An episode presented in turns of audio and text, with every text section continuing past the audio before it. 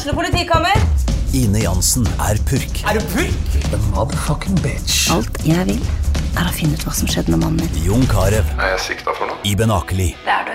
Ole So, Lars Berrum og Big Daddy Karsten. Hvem sin side er du på, egentlig? Anette Hoff, Tone Danielsen, Kommer du fra Afrika? Jørnis Josef, Nesten. Kløfta. Trond Espen Seim, Det er synd å si det, men det var feil mann som døde. Purk. Premiere tirsdag på TV2 Play.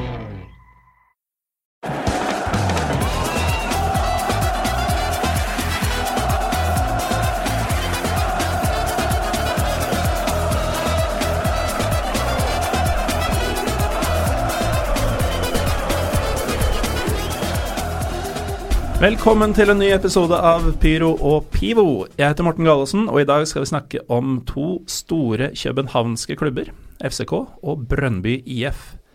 Gjester er Olav Riise og Erling Stray, to debutanter. Og um, Erling, vi kan jo begynne med deg. Du er FCK-alibiet i dag. Eh, velkommen. Takk skal du ha. Åssen føles det å sitte med Det headsetet går hardt utover eh, sveisen din, ser jeg. Det gjør det. Har du det bra? Ja da, jeg har det veldig bra. Så veldig hyggelig å være her. Eh, siden vi starter med deg, så kan vi jo fortsette litt på deg. Du uh, er da til en viss grad i hvert fall fan av FC København. Stemmer. Hvor uh, kommer dette fra? Det kommer Ja. Vi, ja, vi hadde jo en periode Vi kjenner hverandre fra Lillestrøm. Så vi hadde en periode med Royal League hvor vi dro litt rundt. Fikk med oss mye fotball. Så har vi noen kompiser og egentlig felles bekjente som gjerne tok en tur ned. Eh, ville få med seg litt mer, se hva fins i Danmark. Så de dro eh, nedover. Sendte en mail fordi at det var vanskelig å få tak i billetter. Så tok man eh, kom da i kontakt med en i miljøet i København som har tilknytning til Norge. Eh, hadde det gøy på match. Tar videre Så drar de på Inviterer dem over på derby i Lillestrøm. Ah, ja. Så blir man på en måte mer kjent med dem. Eh, så viser det seg at han, en av de gutta har fått jobb i Norge. Så han flytter opp til Oslo. Var det i sammenheng med at han hadde blitt kjent med dere, at han hadde begynt å lete, eller var det bare noe som skjedde? Det var vel litt, litt tilfeldigheter. Eh, han er halvt norsk. Så det gjorde jo at eh, Så var det vel at han ville litt bort fra København. Hadde en kjæreste som bodde i Oslo. Eh, Det hadde vært fett om du sa hun bodde i København. Han ville litt vekk. Nei, men Det er der vi skal ta det tilbake. Han flytter hit, hun flytter tilbake til Kjøben. Ja, nydelig. Så Alt ordner seg for alle. Løser seg. Ja, så vi begynte å henge, henge mer og mer sammen. Eh, trengte å få noen til å flytte sammen i kollektiv, så bodd sammen i ja, to og et halvt år. Så det gjorde at eh, vennskapet på en måte og interessen ble mer eh, hardcore inn mot det å følge da med, Man fikk på en måte vite mye, man uh, fikk kjenne det på kroppen. Ja, Så det, det ble en personlig uh, greie for deg? Ja. Uh, og det er det ikke alle som har med sine utenlandske favorittlag. Um, Olav, vi kjenner, hver kjenner hverandre ikke fra Lillestrøm. Og du er uh, også vesentlig yngre enn Erling og meg, så du kjenner kanskje ikke til Brønnby pga. Uh, du er da Brønnby-fan. Uh, Stemmer. Kjenner ikke nødvendigvis til dem gjennom Royal League. Nei, eller jeg har jo sett, eh, sett kamper med Brøndby der også, som jeg vet ikke, sikkert eh, seks, syv, eh, åtteåring eller noe eh, som bare ville se fotball. Men eh, nei, det starta litt eh, tilfeldig rundt eh, 2009-2010 kanskje. Eh, kommer fra, fra Fredrikstad da, egentlig. Mm. Men eh, så litt i takt med at jeg ble litt mer interessert i, i tribunekultur der. Ja, for du har vært aktiv i TIFO-miljø og diverse i Fredrikstad. Ja, stemmer. Eh, det er jo ikke så stort miljø der, så det skal ikke så mye til hvis du er litt interessert. Men eh, ja, så litt i takt med at jeg ble mer, interessert der, så, så så jeg da noen videoer fra sydsiden, som er på en måte ja, ståtribuna da, på, på Brønnby stadion. Så begynte jeg å se, se litt fotballkamper med det laget òg, så ikke bare følge med på det som skjer på tribunen. Så ble jeg egentlig bare mer og mer interessert, interessert i laget, både sportslig og, og på tribunen. Men hvorfor stakk Brønnby seg ut, og ikke f.eks. Hammarby eller AIK eller FCK for den saks skyld? Nei, det er sikkert litt uh, tilfeldig. Akkurat Hammarby Uh, For jeg ikke ble så glad i de. Jeg hadde enkel forklaring at Fredrikstad møtte de i uh, Europacupkvaliken i 2007. Uh, og, var så uheldig at de Fredrikstad røk på, på overtid på en straffe Hammarby aldri skulle hatt, selvfølgelig. Selvsagt. Ja, Sånn som det alltid er. Men uh, du har jo en litt kul historie eh, når det gjelder valg av lag, fordi uh, du ble 15 en gang i tiden. Ja, stemmer. Og gjorde et litt atypisk valg for en fotballinteressert 15-åring. Ja, de fleste som er uh, 13-14-15 år i Norge i dag, følger vel et engelsk lag også. Så det gjorde jo du også. Ja, mitt lag var jo Liverpool, da. Som, som de mange kompisene mine. Eh, så da jeg ble 15, så, så visste jo mora og faren min at jeg fulgte liksom Brøndby, og så fulgte jeg Liverpool, da. Så fikk jeg fødselsdag, eller bursdagsgave, da. At jeg enten kunne dra til England og se Liverpool, eller så kunne jeg dra til Danmark da og se Brøndby, og da da var jo valget selvfølgelig enkelt med å velge, velge Brøndby. jeg syns det er så sjukt. Som de fleste andre 15 år gamle gutter gjør. Altså, jeg, jeg er jo helt enig i valget, uh, men jeg, jeg, hadde aldri gjort det som 15-åring, Erling. Nei, jeg tror heller ikke det. Jeg tenker 15 år gamle Erling hadde nok ja, England. ganske, ganske ti av ti ganger. Um, har du hatt noe engelsk lag? Man fulgte litt Liverpool eh, da man var uh, veldig ung. Uh, jeg har faktisk vært i 96, så var jeg i Bergen og så uh, cupvinner uh, cup uh, kvartfinale. Det var da Robbie Fowler hadde den derre sjuke medtak-hæl-sparksaken. Hælen over huet og i en fin bue og enkelt inn. Uh, vi, apropos 90-tallet og, og, Liverpool, så fant vi jo en kobling mellom de to lagene dine før sendinga her, Olav. Stemmer. Uh, 1995 høsten, tror jeg det var. Ja. Da Liverpool røyk mot Brøndby i uh, daværende Uefa-cupen. 1-0 sammenlagt. Målskårer. Dan Eggen, selvfølgelig. Dan fuckings Eggen, da. Mannen med den vakreste manke i norsk fotballhistorie. Uh, du har jo vært en del på Brønnby siden du var 15. Er Dan Eggen noe man snakker om der, eller er han bare en av mange? Ja, absolutt. Eh, det er vel ja, i hvert fall den kjenteste nordmann i, nordmann i Brønnby. Jeg har jo hatt Åge Hareide som trener òg, da. og vunnet gull med han. Men eh, nå i 2014 blir det da.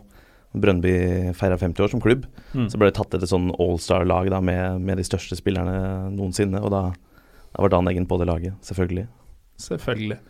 Um, I FCK så har det ikke vært noe Ja, du har jo Myggen, da av spillere. Ja. Og Ståle var vel uh, også Ståle, uh, Hoseth. Mm. Uh, så det har vært en del der, altså. Judas.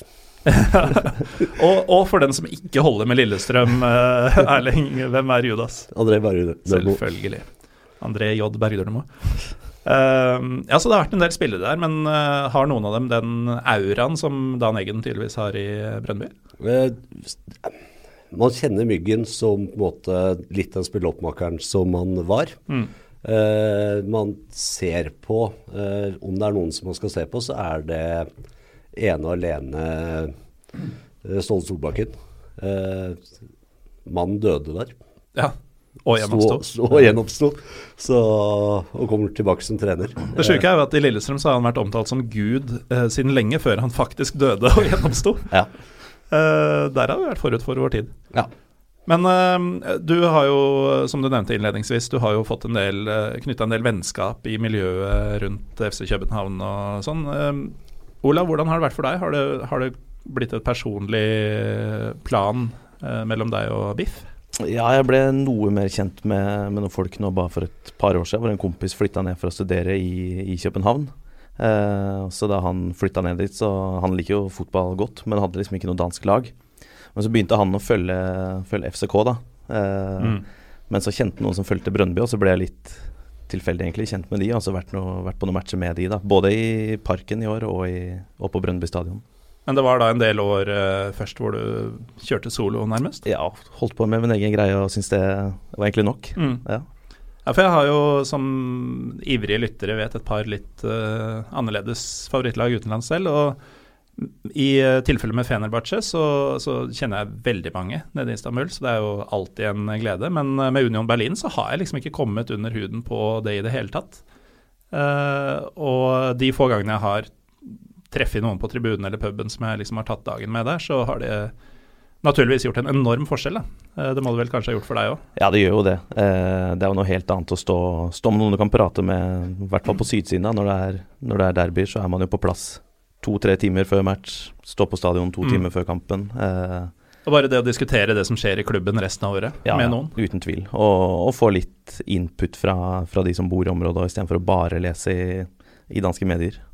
Så det er en eh, legit eh, kobling mellom både Olav og Brøndby og Erling og FC København, så har vi etablert det.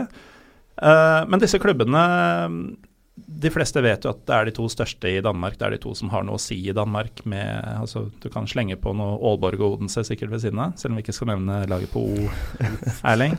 Um, Royal League. Vi må nesten ta noen skrøner fra Royal League mot eh, slutten av sendinga, selv om det ikke egentlig er på planen. Ja. For det, det har jo skjedd litt. Det har skjedd litt.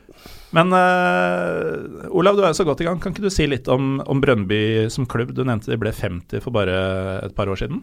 Ja, det er jo en sammenslåingsklubb, eh, akkurat sånn som FCK.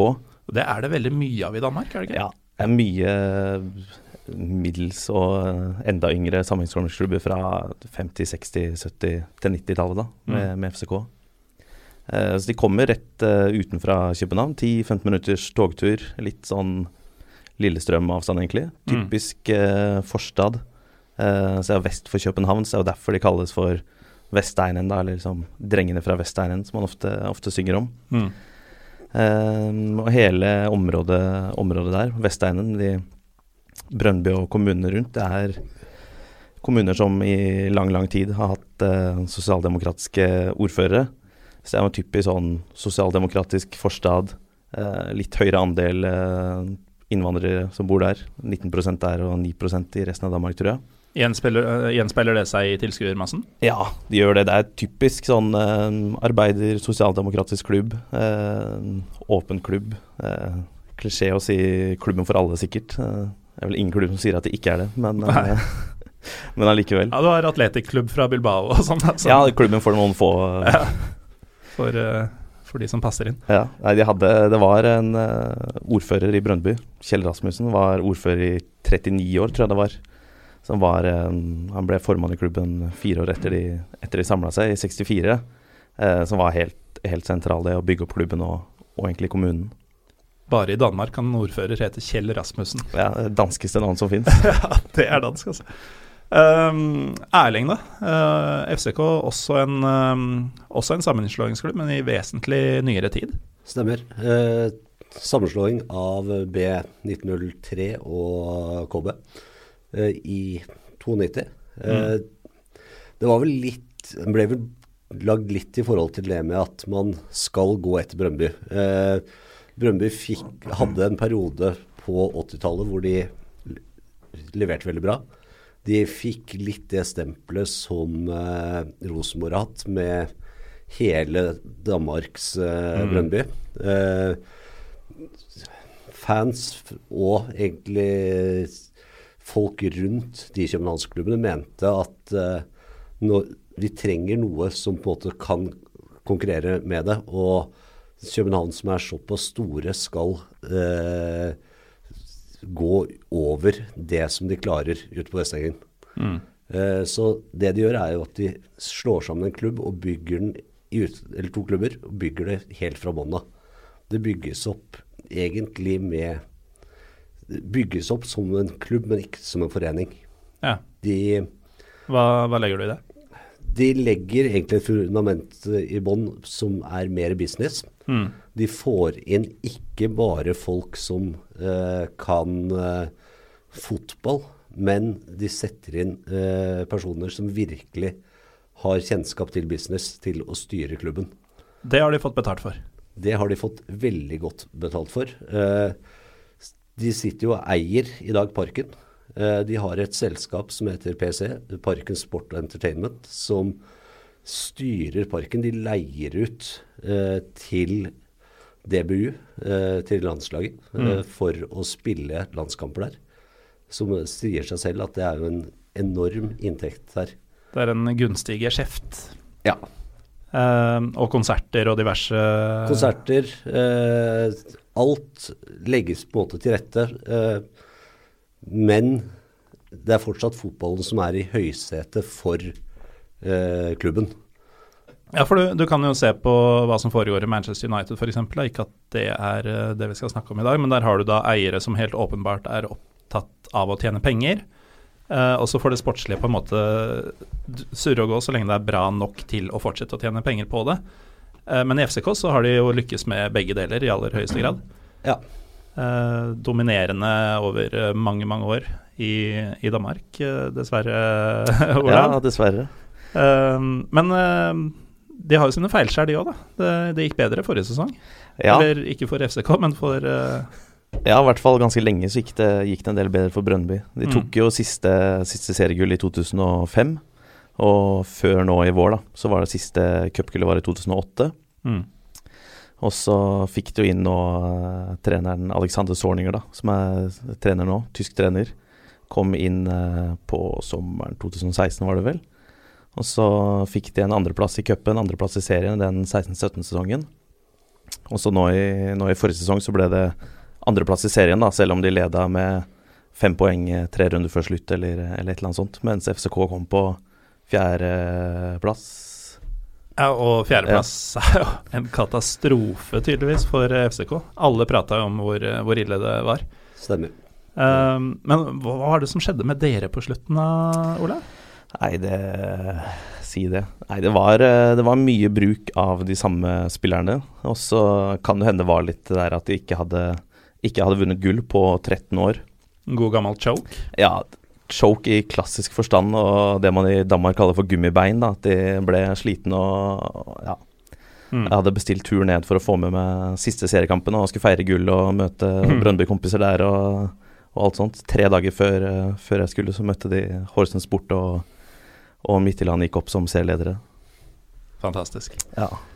Uh, men uh, Erling, du, um, du har jo tette bånd med supportermiljøet, og da eh, også delvis eh, det litt mer alternative supportmiljøet i, i FC København. Ja. Uh, og dette er jo da Du sier at det ble stifta på en businessmodell, og, og er jo så vidt eldre enn Olav her.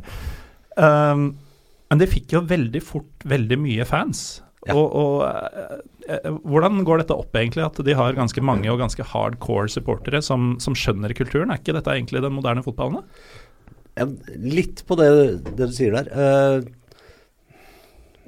ja, Uh, vi sitter litt uh, Som du sa, at det blir lagd litt for å gå i strupen på Brøndby. Mm. Det er København som by er veldig stolt. Ja. Det kommer litt det som man sier, det er veldig, utenfor. Veldig sosialdemokratisk. Det er ikke nødvendigvis alltid København som er like mye av det. Nei. Eh, I tillegg så Vestengen er ikke en del av København, ifølge københavnere. Så Nei, det er jo forstadskommune, men, Ja. eh, men på en måte København-regionen, eller hovedstadsregionen. region, hovedstaden. Ja. Men det som man på en måte får høre, er at skal ikke bruke det navnet. Nei. Det er Ve- Vestengen. Mm. eh, de har en eget politidistrikt, det høres er utenfor. Så Stemmer. de er veldig stolte. Eh, derfor så er det også, som du sa, klubben blir lagd i forhold til det å på en businessmåte, men også for å vinne titler. Eh, beste eksempelet der er jeg var på en cupfinale for det er vel tre år siden. Tre eller fire år siden. Mm. Eh, man vinner 3-0, og det man sporer ikke glede. Det er en lettelse over at kampen er ferdig, vi vant. For At det var- ikke rota det bort? Ja. Det forventes at man skal vinne. Mm. Eh, Nå husker jeg ikke akkurat hvor mange mesterskap de har, men det var for et par år siden så var det vel at de hadde et mesterskap annethvert år. Det å vinne Altså serie- eller cupgull annethvert år? serie. Seriegull, bare? Ja, hvis du ser på De har vel Er det 11 eller 12 mesterskap? Ja, det er vel noe sånt, Ja. uh, tror jeg. Uh, og har vært, vært i 30 år. Mm. Ja, ikke Så- det engang. ja. Ja, det er, det er vanvittig imponerende. Så det er, det er en klubb som er lagd for å vinne. Mm. Eh, noe av de bedre eksemplene er jo De spilte eh, Champions League-kvalik mot Ajax. Og det jeg får høre fra eh, danskene, er at eh, vi er favoritter. Mm. Ja, det, det har jo vært matcher eh, av den typen hvor det har stemt også. Ja. Eh, faktisk, jeg har hatt noen helt vanvittige årganger. Men eh, de, de har da på en måte solgt seg inn eh, som en erkekjøbenhavnsk utfordrer til de onde etablerte eh, i vest der, Ja, og, og, og lykkes med det. og lykkes med det, i tillegg til at det er en klubb som vinner. Mm. Eh, København er den største byen, hovedsetet i Danmark, og de skal også da ha det beste laget. Um, Olav, du um, har jo vært nede flere ganger og sett Brøndby. Seinest for uh, bare holdt på å si noen dager siden. Du var jo på derby nylig. Ja, halvannen uke eller noe. Ja. Første helga i november. Og dette er jo et derby, altså ikke bare den du var på nå, men derbyene mellom FCK og Brønnby er jo uh, Har i hvert fall vært svært oppheta. Og vi, vi må jo snakke en del om, uh, om forholdet mellom disse, men uh, du kan jo kanskje starte med hvordan det var nå sist. Ja, nei, det var godt. eh, Det var bra med temperatur eh, nå også, som det, som det pleier å være. Eh, Det var eh, dagen før match, så var, det, så var det voldsomt med politi. Da var ikke jeg akkurat der, da, men voldsomt med politi utafor Brøndby stadion. Eh, For en sånn eh, bodega, da. Type litt brun pub bule.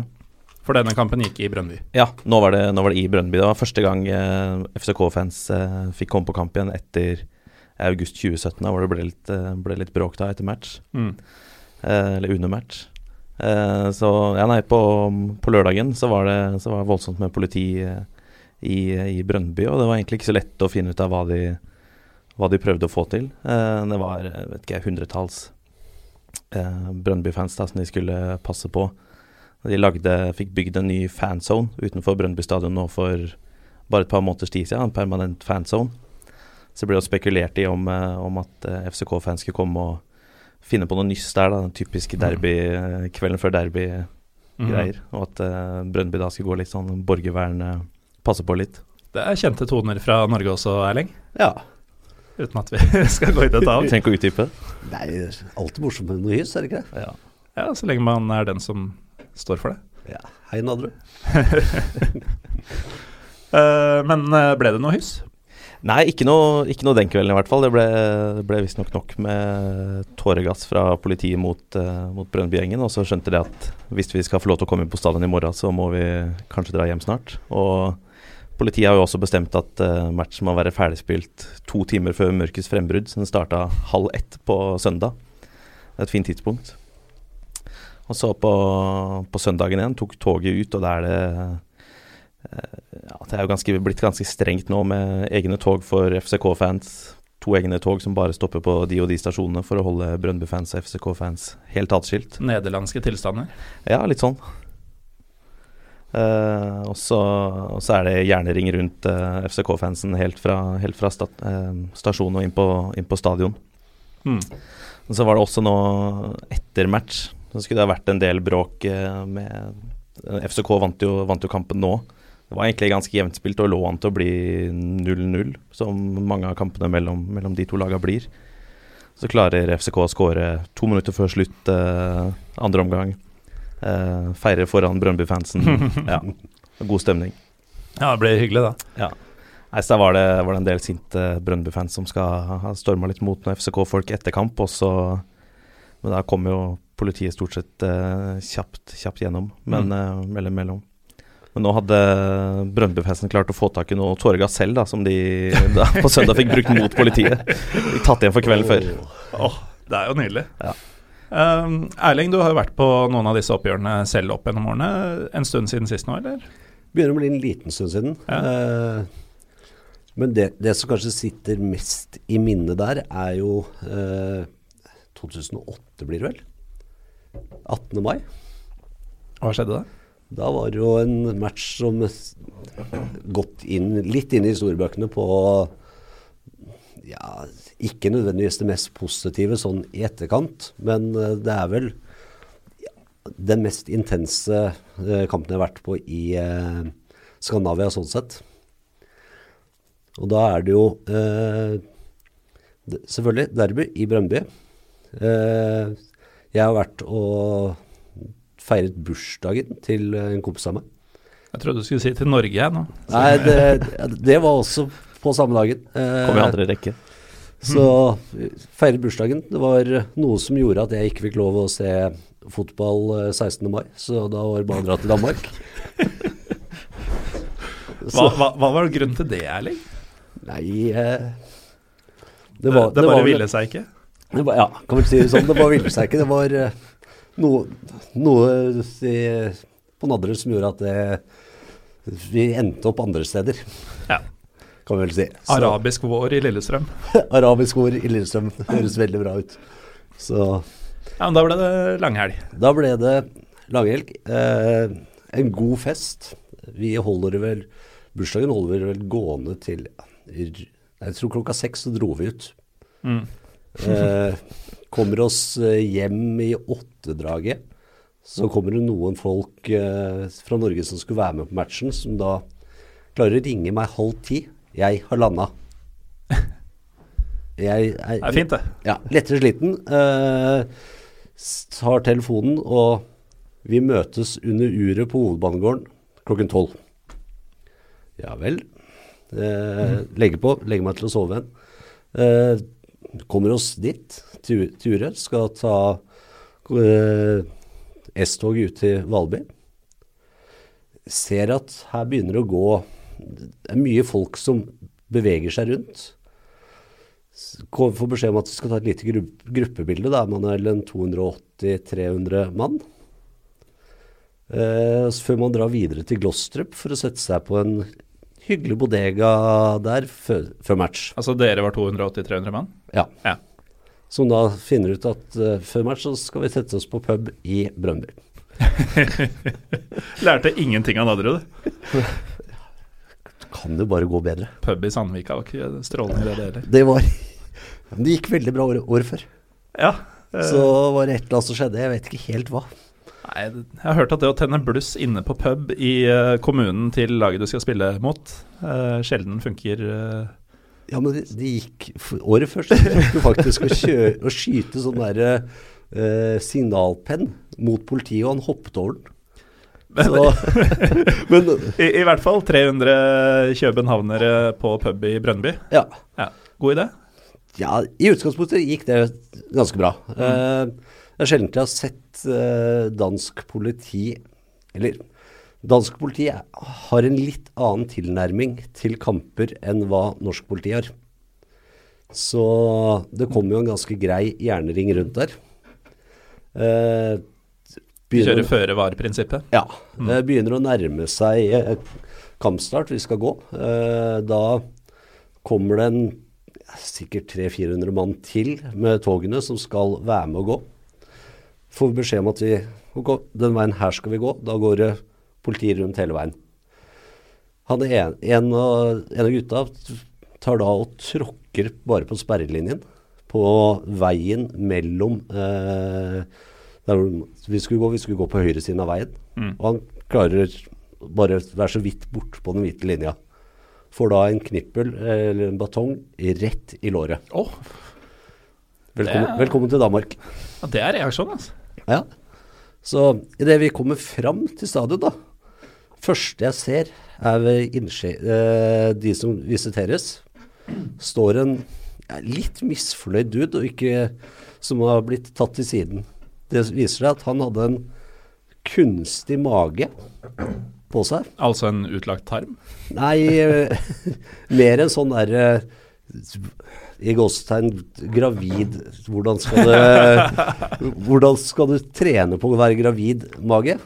Ja. Som de da har kutta opp og fylt med pyro. Mm. Som han da selvfølgelig klarte å bli tatt med mens han gikk med parykk og skulle inn. Hvorfor? Full Altså, prøv, det gravid dame. Kunne det ikke bare vært en bælfeit fotballfan?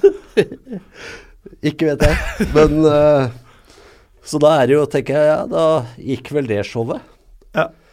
Eh, kommer vi opp der, og så begynner det utdeling av uh, finlandshetter.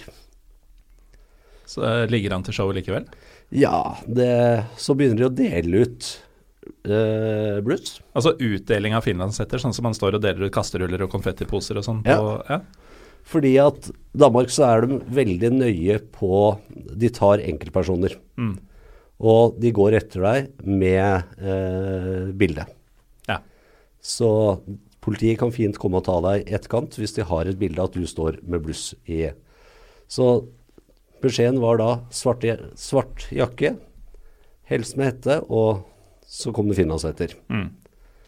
Det vi også ser da, er at de blussene vi får delt ut, har de jo for å få dette inn, så har de, du har jo den delen i bånn som du har eh, for å holde i, så mm. det ikke skal bli varmt. Ja. For det blir jo halv, blir halvvarmt, kan man si. Det blir ikke kaldt. Den har de jo nappa av Ja. for at det skal være lettere å få inn. Mm. Så da står jo en 300-400 mann med bluss uten at det er eh, tatt Uten at det er den til å holde på, som tennes ved innmarsj. Det som skjer videre, er jo at de her er jo varme. Folk begynner å kaste. Mm. Og man kaster inn på banen som, og indre bane, som i utgangspunktet er det de prøver, prøver på. Så er det alltid noen i eh, gruppen som har lyst til å finne på noe mer, mer. Og da går det mot langsiden. For det er ikke veldig godt vennskap eh, mellom disse klubbene. Og her viser det seg da at Brøndby har klart kunststykket å sette barnetribunen helt inntil Ah. bortefansen. Det har de, har de fortsatt, så de har ikke lært på de De lærer ingenting. Nei. Nei, men de har flyttet eh, bortfansen til at de står nå bak eh, målet, og ikke oppe i svingen. Ja, det er sant. Eller nå sist så hadde de, så hadde de i hvert fall fått eh, begge etasjene, så de hadde fått både nedre og øvre, da. Så man Ja. eh, slipper det at de skal kaste ned eh, på de under. For vi sto da i svingen, Ja, sånn at det det. gikk også det som så ut som fulle ølkrus. Jeg tror ikke de var fulle av eh, nødvendigvis øl, som også fløy ned, nedover der. Ja. det er det er fint. Det, det kunne se ut som øl Kunne se ut som øl. mm. for det utrente øyet, Ja. og trente.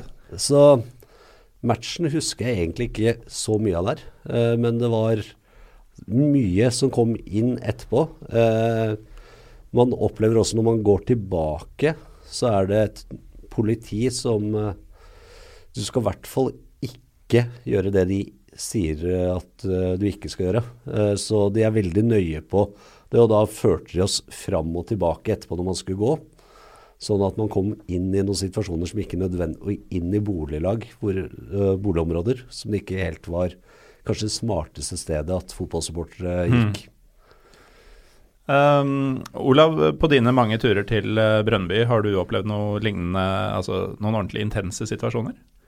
Nei, ikke som jeg har Ikke som jeg havna oppi, oppi selv, men det var nå i august uh, i fjor. Så skjedde jo ja, egentlig nesten det motsatte av det som skjedde sist match. At det var eh, Brøndby som skårte med ett-to minutter igjen, kanskje, eller noe. Eh, hvor eh, FCK-fansen da tar minst like av som Brøndby-fansen etter målet, kanskje. Eh, og, og siden familietribunen fortsatt er ved siden av bortefeltet, da. Eh, det begynte med litt kasting, og, men det var vel primært eh, litt bråk med, med vaktene. Både FCK sine egne og, og Brøndby sine, da. Eh, og matchen var jo fortsatt ikke ferdigspilt, så den ble jo utsatt en halvtimes tid, kanskje. Fram til 100 politifolk i fullt eh, riot-utstyr eh, hadde entra matta. Og kunne spille ferdig det siste halvminuttet.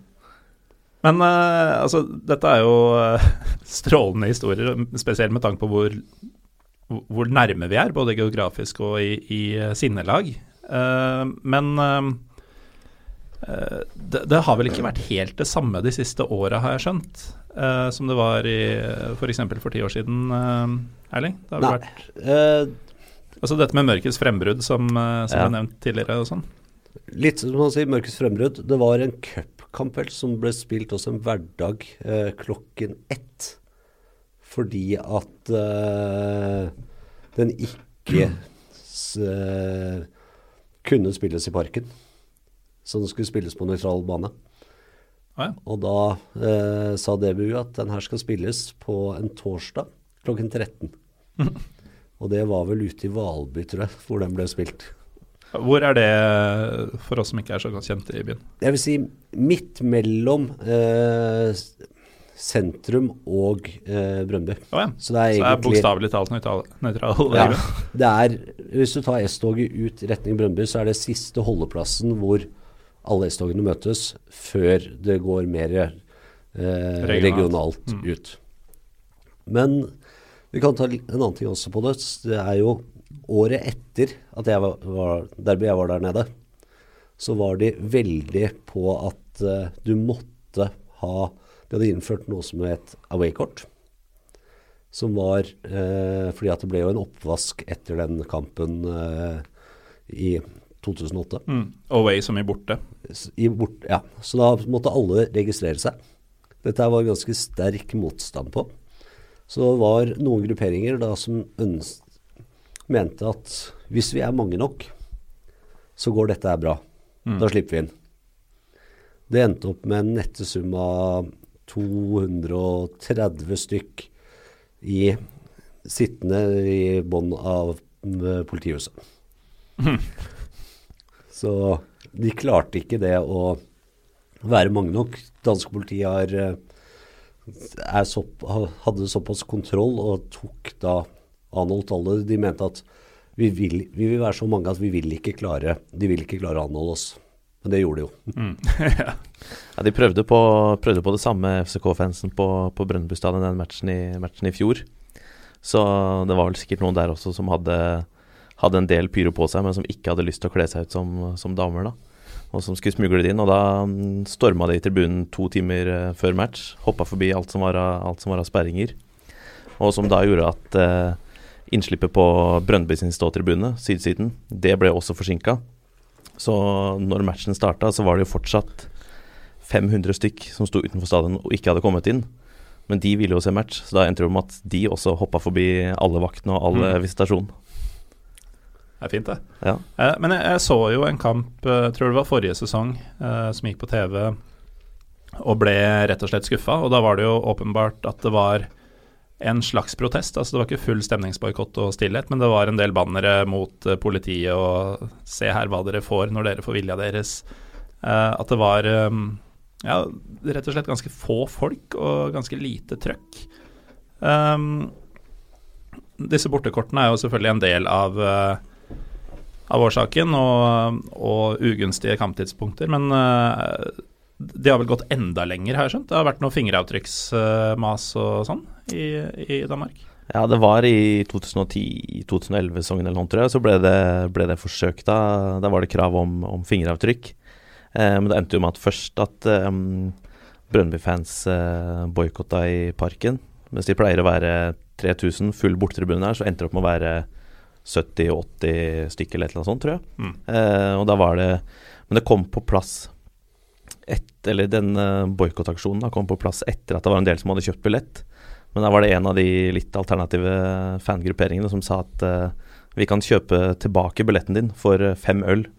Så kunne du bytte den tilbake, og så stilte satt Brøndby eh, opp uh, storskjerm på stadion, rett foran ståtribunen. Så kunne du stå på sin egen ståtribune og se på match på, på storskjerm. Det er kult, da. Ja.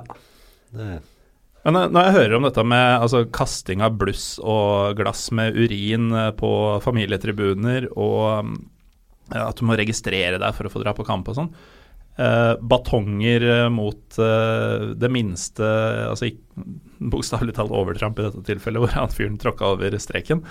Uh, alt dette her minner meg jo mye mer om Tyrkia og ting jeg har opplevd og sett der, enn en Norge. Hvilket bringer meg egentlig til neste punkt på agendaen. Nå har det jo nylig vært en helg, eller en kampdag i Sverige, hvor to kamper samla 80 000 tilskuere bare på de to. Eh, og så har vi jo da disse vanvittige historiene som dere har fortalt fra, fra Danmark. Hva er det vi eh, Hvorfor får vi ikke til det samme i Norge som, eh, som i våre frenders lender? en av tingene jeg tenker er litt størrelse på byene. Ja, nå, nå- skal jeg bare poengtere at jeg ønsker ikke nødvendigvis urinkasting på norske tribuner, men jeg, jeg vil gjerne ha en dimensjon på det som, som er vesentlig større enn i dag. Det er jo litt mellom, eh, mellom det man har i Norge i dag, og, og urinkasting og blusskasting på familietribuna. Så En gyllen middelvei må det gå an å Et finne. sted der. Ja. Men uh, sorry, Erling. Du skal si noe. Helt enig med det du sier med urin og så videre. Eh, Det jeg, jeg tror, er at uh, Hvis du ser København, så er, så er det da to store klubber som dominerer. Så har man Lyngby litt lenger ute, og Nordsjælland. Eh, ser du på der, eller kampene mellom FCK Lyngby FCK Nord- Nordsjælland, så er det ikke nærheten. Mm. Her, det er to de, eh, FCK og Brøndby som har de på en måte desidert største fangrupperingene, og byen er man kan vel egentlig si at byen er omtrent delt på det. Selv om man ønsker at uh, si at eh, København er, er hvit og blå, så er det mye Brønnby eh, der også. Mye historiske årsaker til det. Ja. Eh, men byen er ganske mye større enn Oslo, Mm. f.eks. Eh, I tillegg så der det, Når vi ser et derby som da kommer i, i Oslo, eh, mellom da eh, Lillestrøm og Vålerenga, så kommer vi- på Nedre Romerike så bor det 50 000. Nedre Romerike er vel egentlig ganske godt uh, befolka, men Lillestrøm er jo under 15 000 Ja, innbyggere. ja, ja. 15 000, og så er det vel 50 000 eh, eller sånn på Nedre Romerike. Parken tar 40 000. Mm. Eh, så jeg tror befolkningsgrunnlaget har veldig mye å si her. Eh, Stockholm også. Eh, mye av det samme. Det er delt i, egentlig i tre. Mm. De har Brommapojkarne, du har noe Södertälje, men de fleste har et forhold til en av de tre store der også. Mm. Og igjen en vesentlig mye større by enn uh, hva Oslo er. Så jeg tror hovednøkkelen ligger litt der. Men uh, det er jo selvfølgelig et godt poeng at vi ikke har folk til det. Men uh, samtidig, det er, det er jo noe i mentaliteten. da. Altså Når man er på et derby i Stockholm, så kjennes det ut som du er på en match i si Tyskland eller Frankrike. Um, det dere har fortalt om fra Danmark, jeg har ikke vært på match der selv, faktisk, bortsett fra FCK og LSK i Royal League, eh, som jeg ikke husker noe av. Ja, stemningen der var ikke helt det, det samme. Nei, jeg husker at jeg tryna i trappa på vei opp fra baren. Da hadde jeg fem sånn sånne der, eh, sånn pappvariant med fem halvlitere i ene hånda, og så tror jeg jeg hadde sånn tre reagensrør med tyrkershot i andre. Det, det var Royal League eller Europa League? Det var så Royal League, det. Høres Eh, veldig ut som Royal League, i hvert fall. Ja, Ja, for det beste, beste er de som kjørte samme løsning som det du gjorde, men Europaligaen. Mm. For da var det alkoholfritt. Ja, det er lurt. Ehm, men i, i hvert fall, da, det, det høres jo nesten ut som Tyrkia for min del. Så eh, størrelsesforskjell, ja vel. Uh, men det høres jo ut som en vanvittig forskjell i mentaliteten også, Olav. Ja, men jeg tror det er egentlig I hvert fall når jeg har blitt kjent med litt flere dansker og en kompis som har flytta ned og, og vært med en del kompiser han òg, så tror jeg jo det er en del forskjell i mentaliteten mellom eh, nordmenn og dansker generelt, på en Mm. måte. da. At, eh, at dansker er nok litt mer løssnupne enn det nordmenn er. Sånn sett så syns jeg, egentlig det er rarere at, eh, at Sverige er såpass store på den utagerende tribunekulturen, når de virker å være ganske reservert folkeslag ellers, på en måte. Ja, spesielt Stockholm, som er all about å se bra ut og ikke Ja, i hvert fall de, kanskje. Ja. Men så syns jeg også det er viktig å nevne at, eh, sånn som Erling sier, da, at eh, selv om på en måte toppen er ganske mye høyere i Danmark og i Sverige, da, så er kanskje bunnivået enda lavere enn der i Norge òg. Mm. I Norge så er det ganske jevnt i Eliteserien hva, hva tribunekultur angår. Jeg var og så, var og så Lyngby Nordsjælland, som gikk noen timer før eh, Brødby FCK en dag, og det, det var 800-900 tilskuere der. Det er 15 km mellom de to laga. Tre år tidligere hadde Nordsjælland vunnet ligaen. Eh, skulle jo sånn sett tro at det var litt folk der. hmm. Eh, men det var i hvert fall eh, det var gratis øl fra hovedsponsoren, som delte ut masse bonger. Det, oh. det var det eneste positive, tror jeg. Det er nesten like dansk som Kjell Rasmussen. Ja. Dele ut ølbonger gratis på kamp. Uh, nå, kan jeg egentlig ganske lite om dansk geografi av en eller annen grunn. Jeg kan si hvor i, hvor i Georgia Gori ligger, men uh, Nord-Sjælland for meg, det bare Alt jeg har å forholde meg til, er navnet, og det høres så forblåst ut. Altså, det, det høres ut som Danmarks Ulsteinvik for min del. Uh, hva, hva er Nord-Sjælland? Nei, det ligger rett nord for, eh, for København. Det er ikke Så det er jo egentlig helt ok. Det er Moss. Ja, ja, typ. Ja. Det er uh, største by, byen i Gåstein i Nord-Sjælland blir uh, Helsingør. Å ja. ja. Da, Så.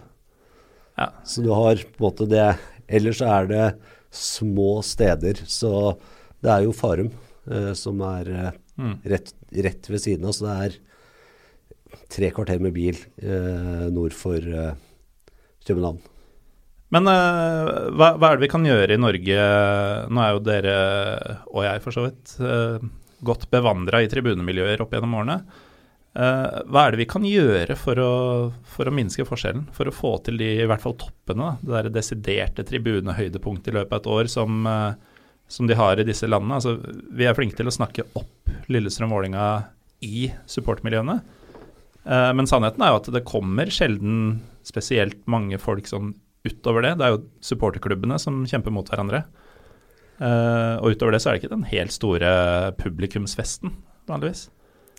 Nei, det blir eh, de Sverige er jo kanskje enda flinkere på det enn de er i, er i Danmark, da. Men det, det er jo noe med det der å, å hause det opp på en måte sånn uh, i media, holdt jeg på å si. I, i dagene før match. eh, timene før match. De har tre-fire timer med hvor de sender før matchen starter. Mm.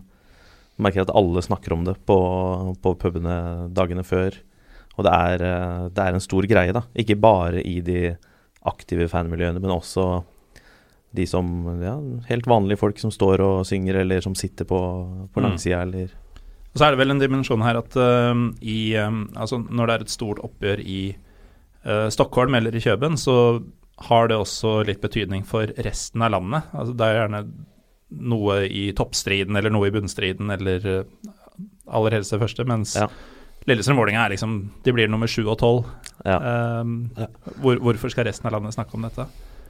Jeg tror vi må være flinke på å bygge opp Nå hadde vi Nå var det jo opp, første matchen som eh, Lillestrøm hadde på eh, Valle. Mm. Eh, der eh, var det jo ganske godt trøkk, i hvert fall fra borte, bortefeltet. Eh, det vi trenger Det var greit trøkk på hjemmefeltet, da. Vi må innrømme det. Jeg satt på langsida, jeg må si det var, var greit trøkk fra begge sider. Det var nok det.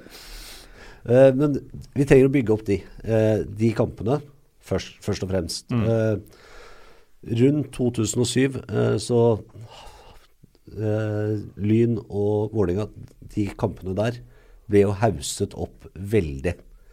Og det dro en del folk. Mm. så det er jo mye av det vi må få til. I tillegg så for, vet jeg jo for Lillestrøm sin del så må vi begynne å spille bedre fotball. For å i det hele tatt få det til. Uh, det er frustrerende. Får man et derby sånn som i fjor, da, hvor hadde et av lagene ligget i toppen, så kunne det blitt delt ut et seriegull på uh, Ullevål. Mm. Da hadde det garantert vært stappfullt der. Ja. Ja, for det husker jeg jo den uh, matchen eh, Vålerenga-Lillestrøm i 2016, var det det? Hvor det var 19 000 på, på Ullevål eller et eller annet sånt. Hvor begge to lå ja, ikke så langt unna bånn, i hvert fall. Ja, vi burde rykka ned det året, og Vålerenga kunne. Ja, kunne fint ha gjort det, de også. Eh, men da er det jo nettopp det noe av det snakka om, da. At eh, begge laga har noe å spille for. Da blir det, mm. da blir det en kamp for eh, ikke bare deres lags supportere, men det blir en kamp for hele, hele landet, hele regionen de som ikke bryr seg så mye om mm. fotball, drar også på match.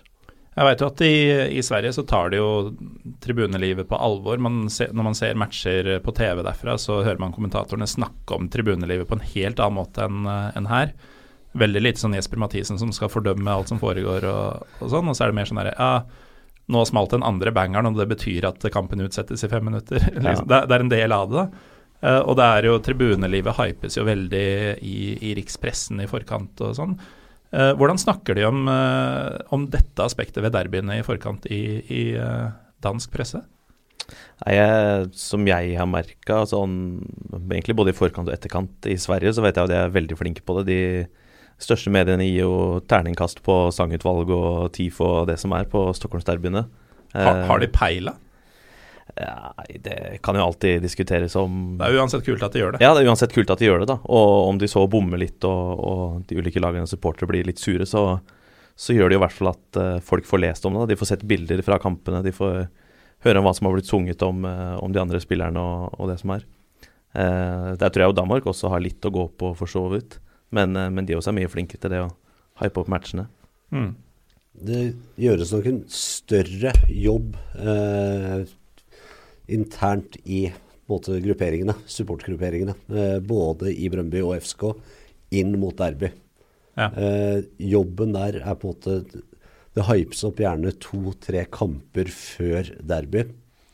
Eh, kommer typisk budskapsbannere på eh, kampen før Ja, før. Man begynner Eh, å fyre opp hverandre. Ja. Ja, synge litt sanger til FCK-matchen før og Ja, det, det er litt sånn uglesett i Norge, fordi det Du skal alltid støtte laget og ikke slenge dritt, ikke sant. At det, det ene kan ikke eksistere uten Eller det ene bør ikke eksistere fordi det bare skal være det andre, um, holdt jeg på å si.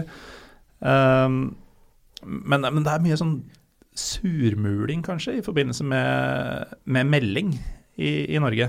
At Ja. hvis, uh, hvis Fredrikstad skal ha Sarpsborg om tre matcher, da, Ja. eh, så, begy- så får du liksom ikke lov å si noe om Sarpsborg når du står mot start tre uker i forveien. Nei, jeg husker da i 2010, blir det vel. Da spilte jo både, både Fredrikstad og Sarpsborg i, i første divisjon, hvor uh, Sarpsborg rykka direkte opp og Fredrikstad rykka opp via kvalik. Men jeg husker jo med en gang man hadde rykka opp i, i kvalik da, etter at kampen var ferdig, så begynte man jo å synge, synge om Sarpsborg. Så, så akkurat der så var det litt, eh, litt tenning på det, egentlig. Mm.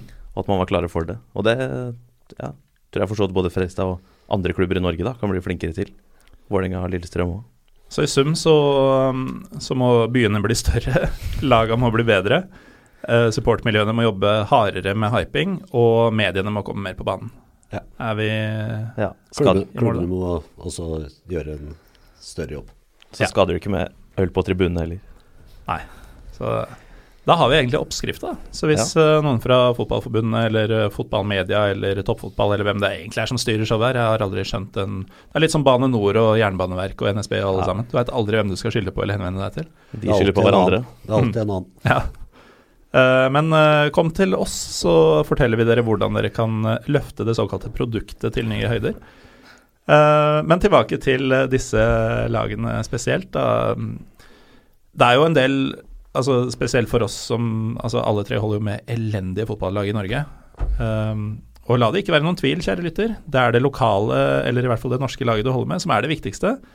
Men man trenger jo en virkelighetsflukt iblant, og det er jo da mange fordeler med å ha utenlandske favorittlag. Du kan jo oppleve kule ting, eh, selv om du først og fremst er Lillesund-supporter, Erling. Ja. Du har bl.a. Uh, vært i fjernere strøk med FCK. Ja, ja. Det, det Hva er det blir? Forfjor. Så tok jeg en liten tur til Baku for å se bortkampen mot Karabakh. Og dette er så nydelig, fordi neste episode eh, handler om eh, Kaukasus, men bare Armenia og Georgia. Ja, hvis så, du- så hvis du tar en liten sånn Aserbajdsjan-rapport nå, så, så har vi dekka hele dritten. Ja, men Siden du først har vært i Armenia, så kommer vel ikke du inn i Aserbajdsjan, du? Jo, eh, det vil jeg gjøre. Jeg må bare mm, Bytte pass? slenge ja, ja, helst det. Men eh, det holder å slenge masse dritt om Armenia på grensa, visst. Ah, Eh, si at det var helt jævlig der, og du hørte masse løgner om krigen og sånn. Ja.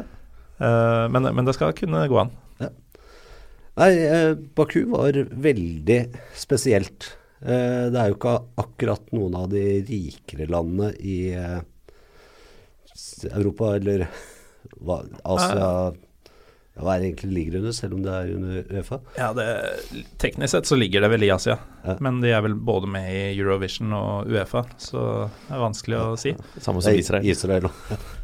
Men uh, Baku er, jo, er jo ganske rikt, i hvert fall Bak. Baku er veldig rikt. Eller det er veldig 'appearance is everything'. Uh, man ser det tydelig på flyplassen. Mm. Overdådig. Ve eh, det er jo tydelig at det er mye oljepenger. De sier vel litt at de er eh, Kaukasus eh, Dubai. Ja. Så Kaukasus, Dubai. Det verste er at uh, ut fra det jeg vet om uh, Aserbajdsjan og Baku spesielt, så, så høres det fullstendig perfekt oppsummert ut. Ja. Og så er det jo da Det er to verdener som møter, møter hverandre. Du har noe tyrkisk inspirert Mm. og eh, sovjetisk. Ja. Det var annet eh, Vi skulle gå inn på en pub som da bare het Sovjetbar. Mm. Og går inn der, og det ser ut som en ungdomsklubb. Og det var en ja, 15-20 russere som bare alle stopper og snur seg og ser på oss. Det var bare å gå ut igjen. Så, eh, men ja, eh, det er veldig eh, typisk appearances everything i forhold til at det ser veldig fint ut eh, langs eh, vannet. Mm. Eh, går du et par gater bak, så begynner du på en måte å se kanskje det virkelige altså Uh, Skal ikke mer enn et par kvartaler, altså. Nei. Så det er veldig stor forskjell her. Mm. Men i tillegg så er det jo også det sted, stedet bortsett fra eh, Paris, og, ja, Paris, London og New York hvor jeg har sett størst sammensetning av dyre merkebutikker. Mm. Kjøpesentre der som er eh, Jeg er sikker på at du tok eh, kredittsjekk av meg det jeg gikk inn. Så veldig sånn Ser pent ut. Ja. Hvordan var eh, kampopplevelsen der? De har ikke vært vant til å organisere store fotballkamper. Eh, vi var, var vel en 30 stykk fra FCK. Eh, stadion er ja, den tar vel 30 000. Eh, det var den midt, mellomste av de måte, tre stadionene som, brukes, som ble brukt. Ja, Så de har større stadioner i Baku enn det Eh, ja, for det er ikke den der uh, vi hadde, Man har jo den aller minste som Norge spilte landskamp på. Mhm. Så er det den som Så er det den store som skal bli brukt til uh, Europaligafinalen nå. Mm. Så er det en litt mer sliten uh, som tar en 30 000, som er midt, midt i. Det er litt fett at eh, de bruker et større ett. Det har sikkert med Uefa-restriksjon Nei, det kan ikke gjøre, men, siden det var landskamp på den andre. Men at de bruker en større stadion for um, europacupfotball mellom en klubb som ikke hører til i byen, enn de gjør når landslaget spiller. Ja. Så det, men når vi da kommer dit, så er det én inngang. Vi har fått beskjed vi skal inn der. Mm. Ok. Uh, men inn til stadion så er det fortsatt én port alle som skal på stadion skal inn gjennom. Ja, Uh, da begynner jeg å tenke litt. det er jo trygt. Dette her høres veldig hyggelig ut. Eh, litt sånn kaotisk. Klarer å komme oss fram. Får da beskjed hvor er det vi skal stå. Uh, går dit. Det er ja, som det som skiller egentlig hjemme- og borte Eller bortefansen og Resten. Resten er eh, en tråd på størrelse med, med en vanlig hyssing. Som er Altså en vanlig hyssing. Ja. Enkelt og greit. Eh, så man følte seg ganske liten da eh, Karabakh gikk opp til 1-0. Mm. Var det mye folk, eller? Det var nesten fullsatt. 30 000 på Ja. Karabakh mot FCK? Ja. Shit. Eh, jeg har vært på nå kamp med FCK. Jeg har vært uh, i Jønte Stadium med FCK. Og det bruset som kom på skåringen i Karabakh, overgikk begge deler. Mm. Det var sjeld, Jeg tror jeg aldri har følt meg så liten. Og det står da folk og viser tegn på at de skal kappe strupen av deg og så, så det var Nå, nå har vi beveget oss ganske langt vekk fra, fra Danmark, egentlig. Men eh, det slo meg nå at uh, vi, vi nevnte så vidt hele Norges Rosenborg og hele Danmarks Brønnby i litt større grad. Ja. Uh, men det slo meg nå at det, det kan fort være tilfellet, faktisk, i Aserbajdsjan. At uh, det er hele landets Karabakh. Uh, nettopp pga. denne konflikten med Armenia, at det er en klubb som er i eksil fra det området som Armenia har uh, tatt over. Eh, og at dette da på en måte blir et symbol for aserbajdsjanernes kamp mot armenerne. Da. At det er Det- derfor det Det så litt sånn ut, fordi Mm. at det var mer eh, aserbajdsjanske flagg enn det var klubbeffekter. Ja, det, det kan jeg se for meg. Så Og etter å ha tapt kampen, så skal vi også da gå ut samme vei.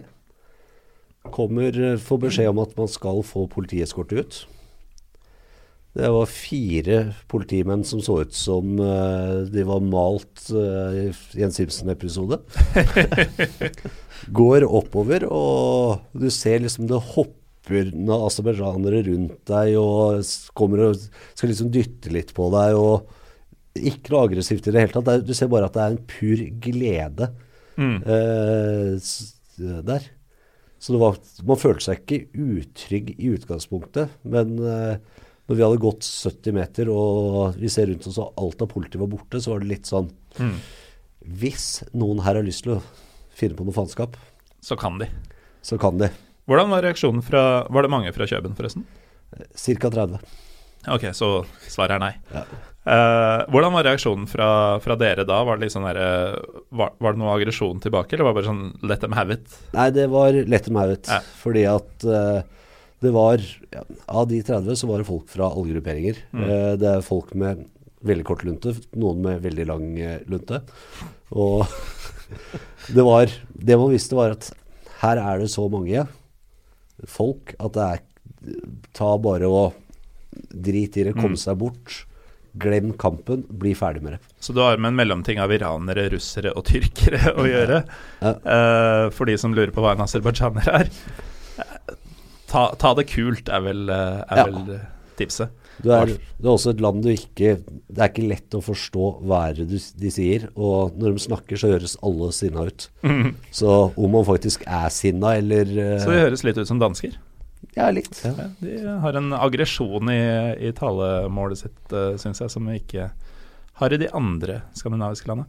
Uh, Olav, som uh, Fredrikstad-fan, så er det vel greit å kunne flykte sørover iblant for deg òg? Har du um, Hva er det deiligste du har opplevd med Brønnby? Nei, de to kampene som jeg har fått sett i Parken, de, tror jeg, de står nok veldig, veldig høyt, begge to. Eh, de kom ganske, i løpet av ganske kort tid, begge to. Eh, det var nå i november i fjor, er ganske nøyaktig et år siden, og så februar i år. Eh, og så i november så hadde jeg vært Dro på kompistur med et par andre til eh, Berlin på fredagen. Mm. Så Hertha Berlin på lørdag, og tok eh, tidlig fly på søndag for å rekke 12.30-matchen i, i København. Og for å være der i ti timer. Mm. Og da hadde ikke Brøndby vunnet i Parken på 13 år, vel? Ja, siden 2004. Eh, så Det var vanlig, vanlig seriematch, da, det her. Og så vinner eh, 1-0, vel, eller 2-1 eller noe sånt. De fleste, fleste matchene ender. Eh, og det, det er nok en av de aller, aller, aller største opplevelsene. Da var det 2000-3000 Brøndby-fans samla seg på Brøndby stadion noen timer etter matchen, tok imot eh, laget, feira full fest. Mm. Men også den matchen nå i eh, februar, hvor det var eh, cupen, da. Bare tre måneder etter at man hadde tatt den første seieren i parken på 13 år. Klarer å vinne enda en gang, sende FCK ut av eh, cupen på deres egen hjemmebane. Det er også, også stort. Uten Følelsen av en ny, uh, ny æra. Ja, det var litt det. Det var liksom de, de månedene hvor Brøndby var Best. ja, best og så gode som de ikke har vært på 15 år, kanskje. Mm. Eh, de hadde en litt dårlig start på fjorårssesongen, og så var de gode egentlig hele sesongen fram til de siste fem kampene, vel. Eh, hvor de fikk da ja, gummibein, da, og mesterskapet forsvant, Ikke sant. rett og slett.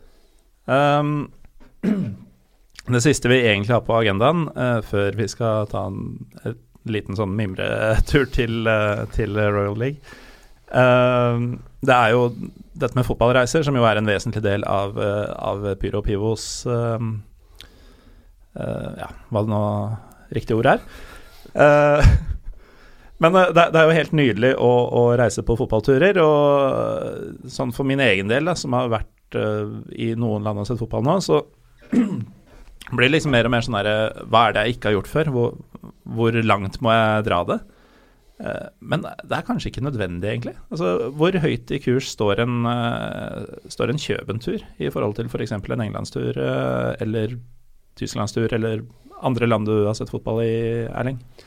Nei, eh, hvis du først skal dra på fotballtur til Kjøben, Mm. eh, så må, sørg for at du gjør det på våren, for det første. Eh, efterårsmatchene Danmark spiller jo serien omvendt av hva vi gjør i Norge. Er rett og slett betydningen av kampene er større. Betydningen Fordi at du møter møtes, ja, Nå er det noe, blitt noen sl- sluttspillgreier òg, men så Vi har vel fire eller fem ja, Du kunne vel få fire eller fem derbyer. Ja, De to siste åra har det vært eh, fem derbyer. For nå har de jo det der at det er Først hadde de jo tolv lag, alle møtte hverandre tre ganger. Ja. Eh, og så nå så er det 14 lag.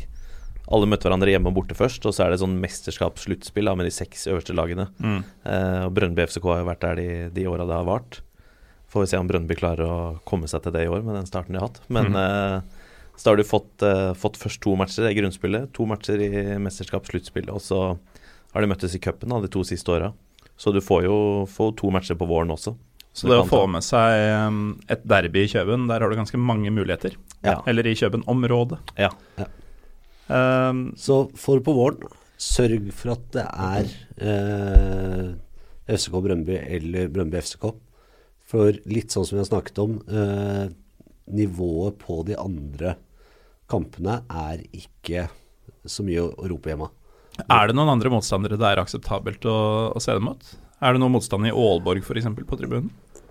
Kan være. Spørs litt uh, om ÅB er eh, høyt oppe. Mm. Men da er det i så fall kampen i Aalborg. Samme er det med AGF Århus. Gjør de det bra, er der oppe, Mm. så kan de komme med god støtte. Sjeldent at de kommer mange i, eh, i parken. Ja. Eh, de var noe i parken eh, på forrige pokalfinale som jeg var på, men eh, på en måte ikke så mye å rope hjemme, for da var det mye folk som bor i København gjerne som også kom. Ja. Det korte svaret er egentlig nei, da. Uh, Olav, i Brønnbys tilfelle, er det noen uh, erkefiende nummer to som, som det er litt ekstra trøkk rundt?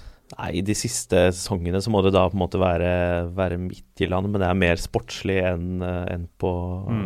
en på tribunen. Så du kan få en god kamp, men ikke noen spesiell Ja, og da ville jeg i så fall fått, uh, fått matchen i Midtjylland, vært med på hele bortefølget. Altså egentlig reist til København, prøvd å bli, få kontakt med noen folk som heier på Brønnby, og vært med på hele togturen eller bussturen dit. mm. Og Midtjylland spilte på Brønnby stadion nå i vår. Fire runder før slutt. Brønnby og Midtjylland kniva om gullet. Hvor uh, Midtjylland hadde 130-140 bortefans uh, mens de kunne uh, komme seg opp på, opp på førsteplass på Brønnby Mm. stadion. Eh, så, så de har ikke så mye å bidra med Nei. akkurat der. Så er disse to lagene som gjelder. Ja, uten tvil. Om det er en match som kunne vært interessant, så kan det være Odense borte. For egentlig begge lagene. Ja, For det er kortere vei, eh, og en del eh, ganske enkelt å komme seg dit. Mm. Og i utgangspunktet et ganske ålreit lag. Ja, historisk ganske stor klubb også. Ja. Ja. Eh, De eneste bortematchene jeg har vært på, er jo, er jo i Parken. Eh, men Brøndby har solgt ut bortefeltet sitt alle kampene siste halvannet, to åra, bortsett fra én match, tror jeg, og får ofte, ofte utvida bortefelt. Så en bortematch kan jo uten tvil Mm. være kult å få med seg hvis man kjenner noen da mest. Ja, Og så er parken også vesentlig større da enn en Brønnby stadion. Så det er jo Ja, kanskje totalt sett en, en fetere opplevelse, uh, selv om det kanskje er tettere mellom gærningene på Ja. et fullsatt Brønnby stadion. absolutt. Uh, et par andre triks her er jo at du kan jo få gjort dette selv om du har flyskrekk. Man kan jo ta en helgetur med ferja og, uten å ta en fridag, så lenge kamptidspunktet eh, passer noenlunde. Og det gjør det tydeligvis, siden det er tidlig på dagen ofte. I hvert fall nå hvor, eh, når de starter halv ett, da. Hvis du er der i Mm. november-februar, så kan du enten ta båt ned, komme tidlig på morgenen, rekke match og ta båt hjem igjen, eller, Ja. eller kjøre ned tidlig, eller ta fly ned tidlig. Og, Ja, det kan du også. Og har du først bilen med, så er det jo faktisk ganske kort vei til både si, Hamburg, Bremen, Hannover, eh, Kiel for den saks skyld. Ja. Hvis du skal kjøre litt landhopping og groundhopping i ett. Du kan, Ja, f Malmö òg, for den saks skyld. For sånn, Mm. eh, Ja, før du krysser brua. Mm.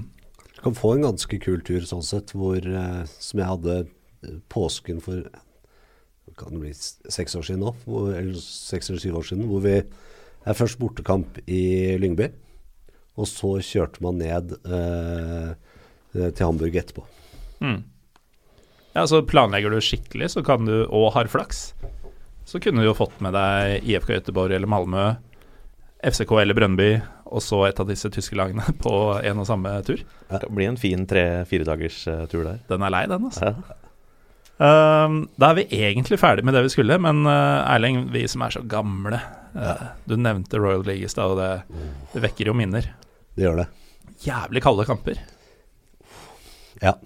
Men uh, Sandef... Nei, stadionet stadion Tønsberg, var ikke det der vi spilte noen Jo, kamper? Tønsberg gressbane, som var en kunstgressbane. For Lille som hadde ikke flomlys på den tida. Eller var det en isbane? Ja, det var bandybane, egentlig. Føltes sånn ut. Ol Olav, du er uh, Nå har vi nevnt dette et par ganger, men du er 22 år gammel. Um, Stemmer. Husker du Royal League? Ja, Vet du hva det er? Ja da, jeg veit hva det er. Uh, men uh, ikke så mye mer. Jeg fikk ikke, fikk ikke dratt på noen matcher eh, da, dessverre. Kan jo, Jeg hadde en aha-opplevelse da vi hadde en livepodkast i Bergen uh, nå i høst. Og det er at det, det fins utrolig unge lyttere uh, til Pyro Pivo. Så for dere så må vi bare nevne veldig kjapt at uh, Royal League det var en turnering som fantes i 2005 og 2006. Det er ikke nei, 2005, 2006 og 2006-2007. Sånn blir Tre år. Tre år. Tre år. Var det tre år? Ja.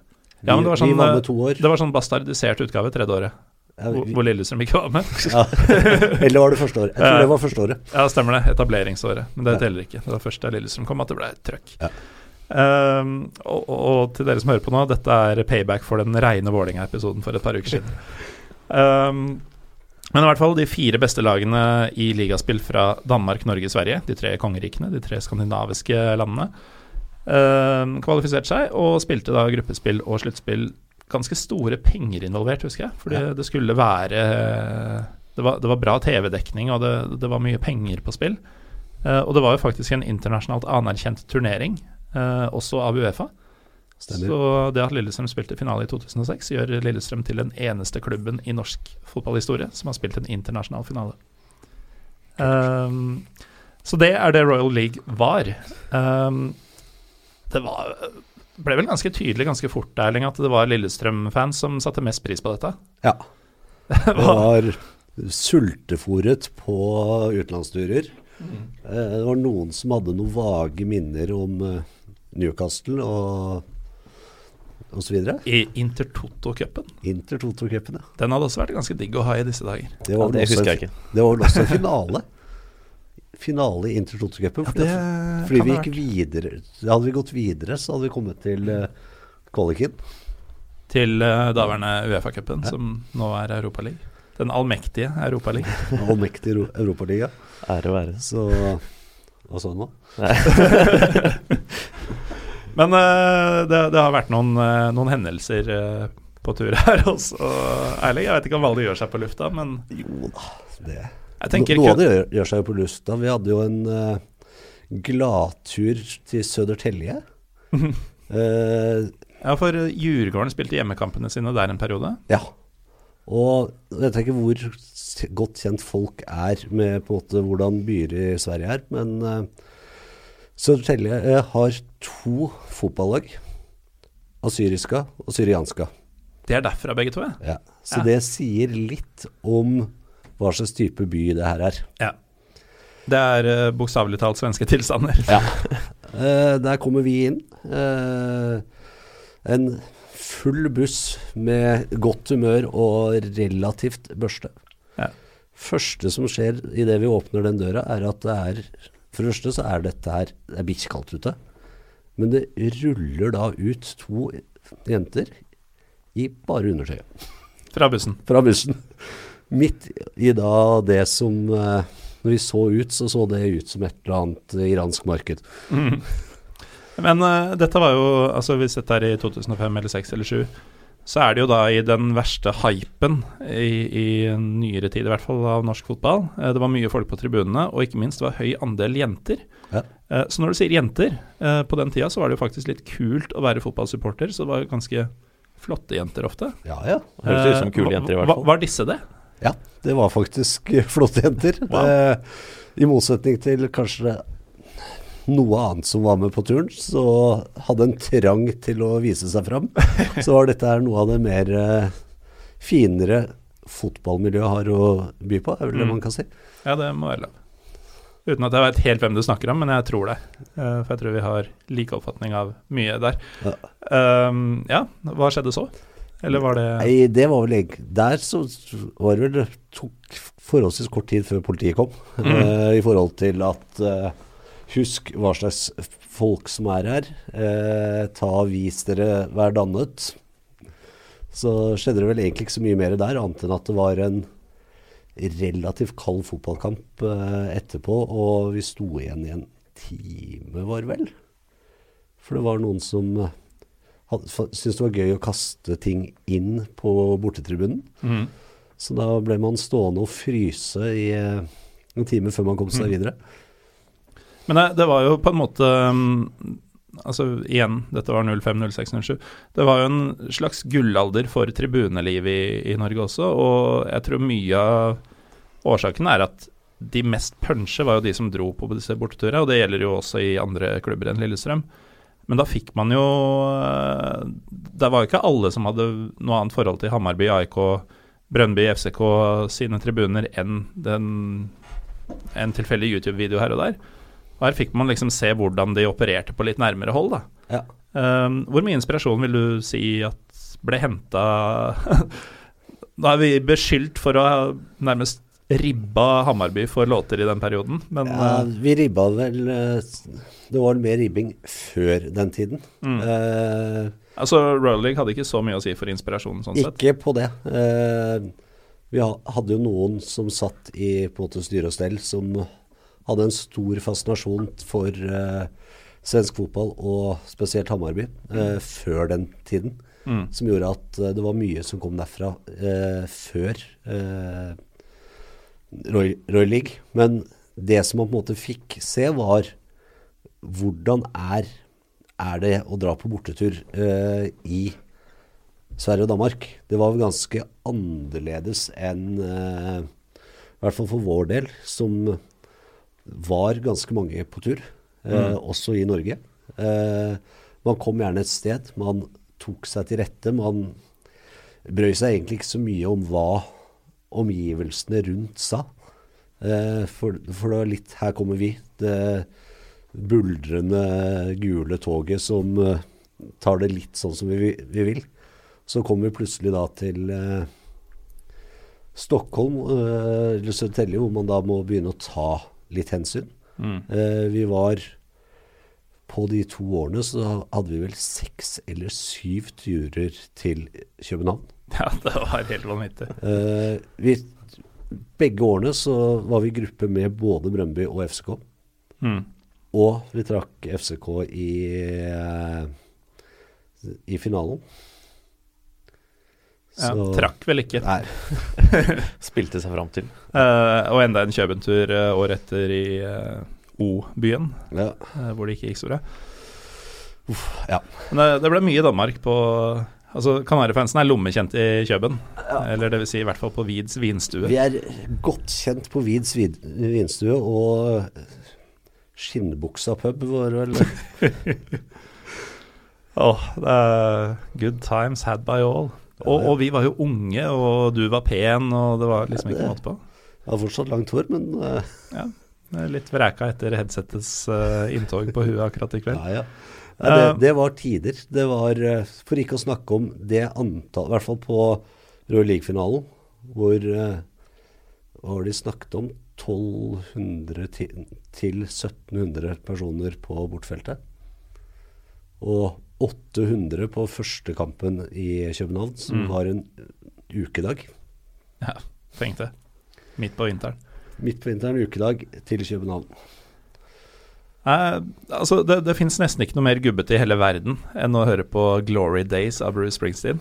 Men den burde nesten surra litt sånn i bakgrunnen her nå. Kanskje jeg skal redigere det inn før, eh, før jeg legger ut dette.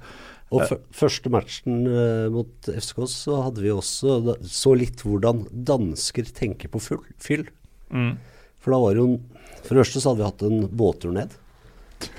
bare, bare for å starte ordentlig. Nydelig No- oppvarming. Ja, noen hadde også tatt bussen hele veien ned.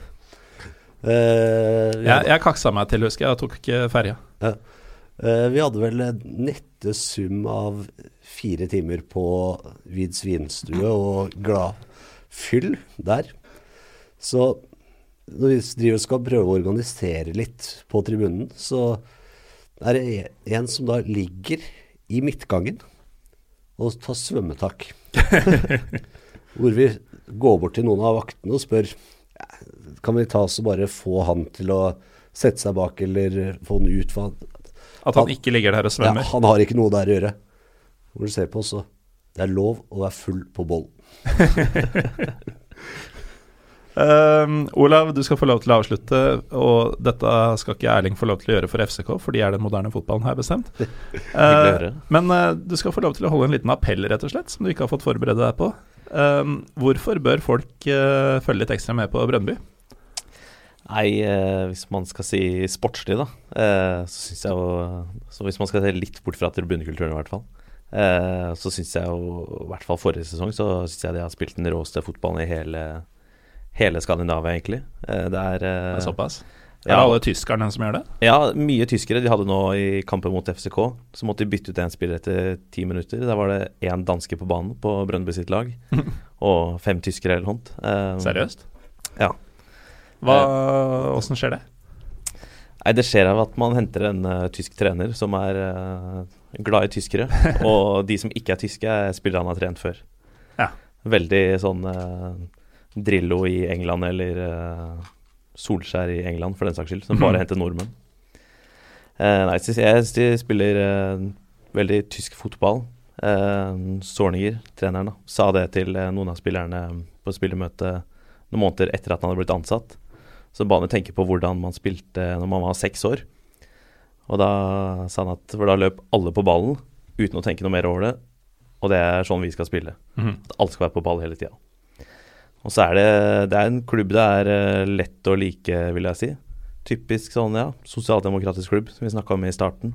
Det er eh, alltid fullt på bortefeltet når de reiser rundt. Det er eh, De har jo hatt motstand konstant de siste 10-15 åra, men allikevel så er det fullt. Det er eh, Tryna så det sang forrige sesong. Eh, satte ny rekord med antall sesongkort eh, denne sesongen her. Eh, så vil jeg anbefale alle, alle må dra og se på dem. Jeg fikk faktisk litt dårlig samvittighet nå, så Erling, du skal få lov til å, til å slå et slag for uh, fotballklubb København. Moderne fotballen. For de er Jeg har året sa 50, 30, 30 Det er ikke veldig stor forskjell i alderen heller. Nei, Brøndby er Så- 54 år eller et eller annet sånt. Ja, Så, Dobbelt så gamle, da. ja dobbelt så gamle. Dobbelt så gamle. Uh, hvorfor man skal dra? Uh, som nordmann, Ståle, er jo én god grunn. Eh, Og da er det ikke Ståle Stensås, for ordens skyld. nei, Det tror Ståle, jeg folk har Ståle fått med Gud. El Salvatore. Så ellers så er det ja, Størsteklubben. De forventer eh, å skal vinne. De forventer at de skal spille den beste fotballen. Eh, en ting som eh, de faktisk mener, er de skjønner ikke hvorfor at spillerne skal komme, eh, flytte nedover til Belgia, f.eks. For Nei. fordi at eh, FCK er en mye større klubb. Så det viser litt ar arrogansen til eh, københavnerne. Men eh, Så trekker man arrogansen som et ja, ja. Det er, det er en herlig arroganse å på en måte se hvor store de på en måte selv mener at det er. Det er Sitter du for så vidt i en rosa skjorte med oppretta ermer og sånn, så jeg ser jo hvor du kommer fra. Ja, ja.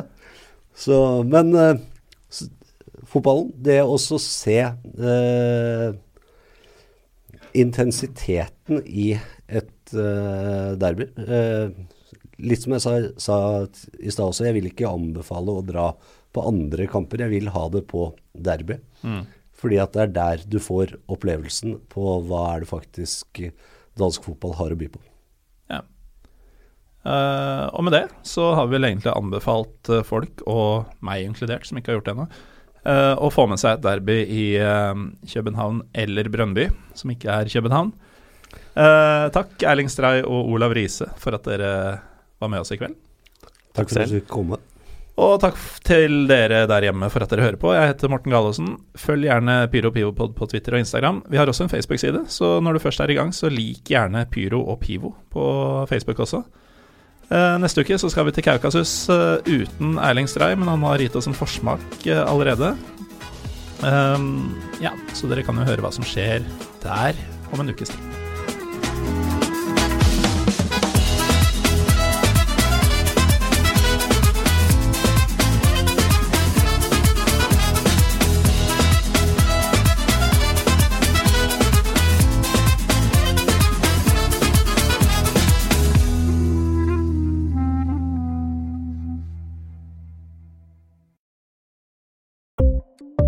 Ukens annonsør er HelloFresh. HelloFresh er verdens ledende matkasseleverandør og kan være redningen i en travel hverdag. Mange av oss har nok vandret i butikken både sultne og uten en plan for middagen, som ender med at vi går for de samme kjedelige rettene gang på gang. Middag burde være dagens høydepunkt, Som HelloFresh Hello Fresh kan du nå velge mellom 25 ulike retter hver eneste uke, eller få Hello Fresh til å sette sammen menyen for deg. Dette gir deg muligheten til å prøve nye og spennende retter alene eller sammen med familien. Du velger antall porsjoner og får alt levert på døren på et tidspunkt som passer for deg. Oppskriftene er enkle, og maten er lett å lage både for store og for små. Ved å få alt levert hjem får du også mer tid til å dele matgleden med familie og venner.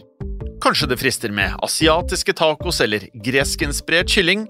Da kan jeg anbefale deg om å gå inn på hellofresh.no.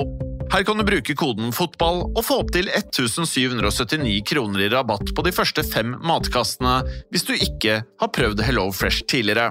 Du kan også bruke rabatten hvis du har vært kunde og stoppet abonnementet ditt for tolv måneder siden eller lengre. Gå inn på hellofresh.no og bruk koden FOTBALL.